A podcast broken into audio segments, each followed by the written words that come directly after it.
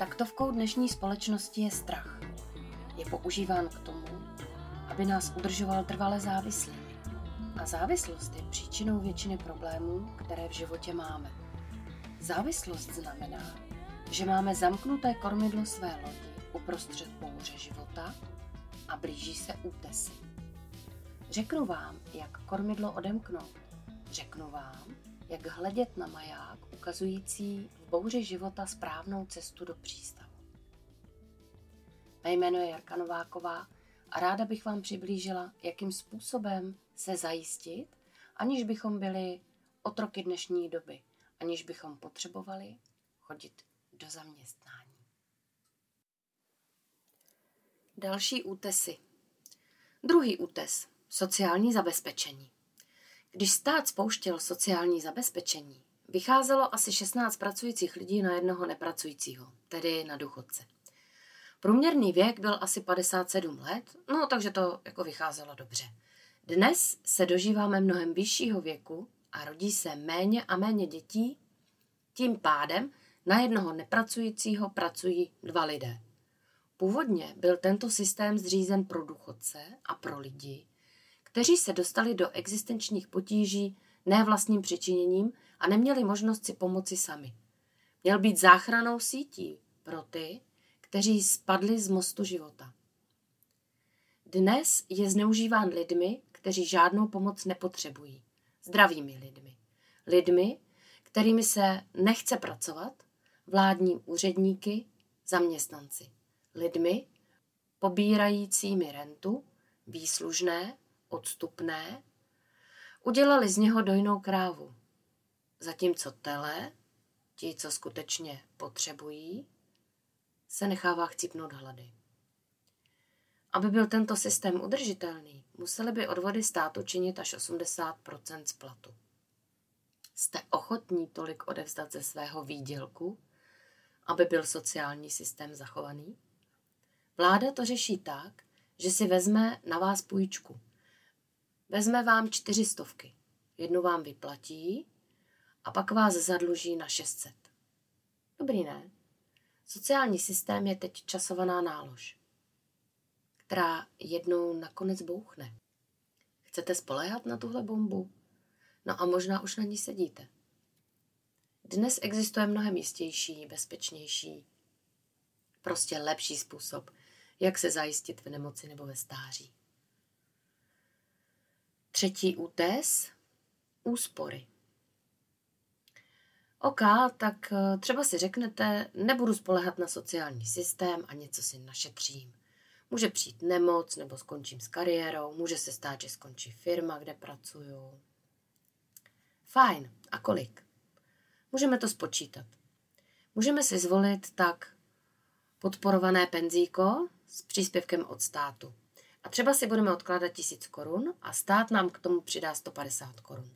Průměrný výnos je asi 3% ročně, takže po 30 letech máme naspořeno 676 tisíc. Co s nimi uděláte? Probendíte je? Můžete, ale vy z nich potřebujete žít.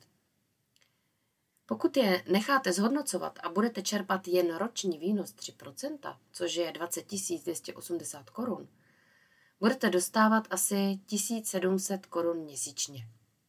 Ale díky inflaci bude mít 20 280 eh, korun kupní sílu 9 489 korun, no a to je 790 korun na měsíc. Vyžijete z toho? Vy sice naspoříte za 30 let 676 tisíc korun, ale inflace způsobí, že těchto 676 tisíc korun bude mít kupní sílu pouhých 316 korun 290. A to jen za předpokladu, že se inflace nezvětší. Co to znamená? Že budete muset do té naspořené částky sáhnout. A jak dlouho bude trvat, než ji vyčerpáte? Na inkaso, nájem, jídlo, rok nebo dva. A co potom? Díky inflaci, která byla v roce 2021 3,8% a minulý rok 15,1%, naspořené peníze ztrácejí hodnotu. Hodnotu ale ztrácejí nejen díky inflaci, ale také díky škodné. Bankéřům. Když se platilo zlatými mincemi, zloději uštěpovali okraje mincí a, a proto banky opatřily okraje mincí v roubkování, které zabraňovalo tady tomu zmenšování mincí. Banky jsme si vymysleli jako ochranu před zloději. Jsou vnímané jako ochránci hodnot a proto mají důvěru velké většiny lidí. Uštěpování mincí byl trestný čin. Kdybyste to dělali vy, zavřeli by vás do vězení. Jenže dnes z těch peněz uštěpují a ještě jim k tomu vlády žehnají. Oni ochránci hodnot. Banky. Sami uštipují z peněz, které jsme jim v dobré víře svěřili. Jak? Díky poplatkům. Banky vždycky vydělávaly tím, že s našimi penězmi pracovali. Dnes nám účtují spoustu poplatků. Poslední veliká loupež je v tom, že banky přestaly vyplácet úroky z uložených peněz. Vždycky se dělili o svůj zisk s těmi, kdo jim peníze poskytl k tomu, aby s nimi mohli pracovat. Dnes mají banky svůj zisk, ale úroky už nevyplácejí. Proto dnes už není možné spořením zbohatnout a ani náhodou se zabezpečit. Máte-li rádi jistoty, tak v bance a ve fondech máte jednu stoprocentní. Přicházíte o peníze. Naštěstí dnes existuje bezpečný způsob, jak svoje peníze zachránit. Čtvrtý útes důchodové pojištění. Pojistit se na penzi? O, to je skvělý nápad. No a jakou máte kontrolu nad těmi uloženými penězi? Žádnou. Hmm. A kdy se dozvíte výsledek hospodaření? Jajks. Až půjdete do důchodu? No a co když se vám ten výsledek nebude líbit? Co s tím uděláte? Jakou máte možnost to udělat jinak? Neříkám, že bychom se neměli důchodově pojistit. Chraň Bůh. Nakonec nám to stát možná nařídí. Ale spolehat se na to? Jejda. Teď máte pocit, že kecám, že? Penzijní připojištění je přece garantované. Tedy garantované výnosy, garantovaný výsledek hospodaření, garantovaný státem. OK, tak se teda zeptám. Rozhodujete vy, co bude s vašimi penězmi? Znáte osobně lidi, kteří s vašimi penězi hospodaří? Jsou spolehliví? Víte, co se s těmi vašimi penězi ve fondu děje? Jak se s nimi zachází? Kam se investují? Máte možnost to ovlivnit? Víte, odkud se berou výnosy? Pokud jste nemohli odpovědět kladně na tyhle otázky, kontrolu žádnou nemáte. Aby fondy měly výnosy, musí s těmi penězi podnikat. Většinou se jedná o investice na burze.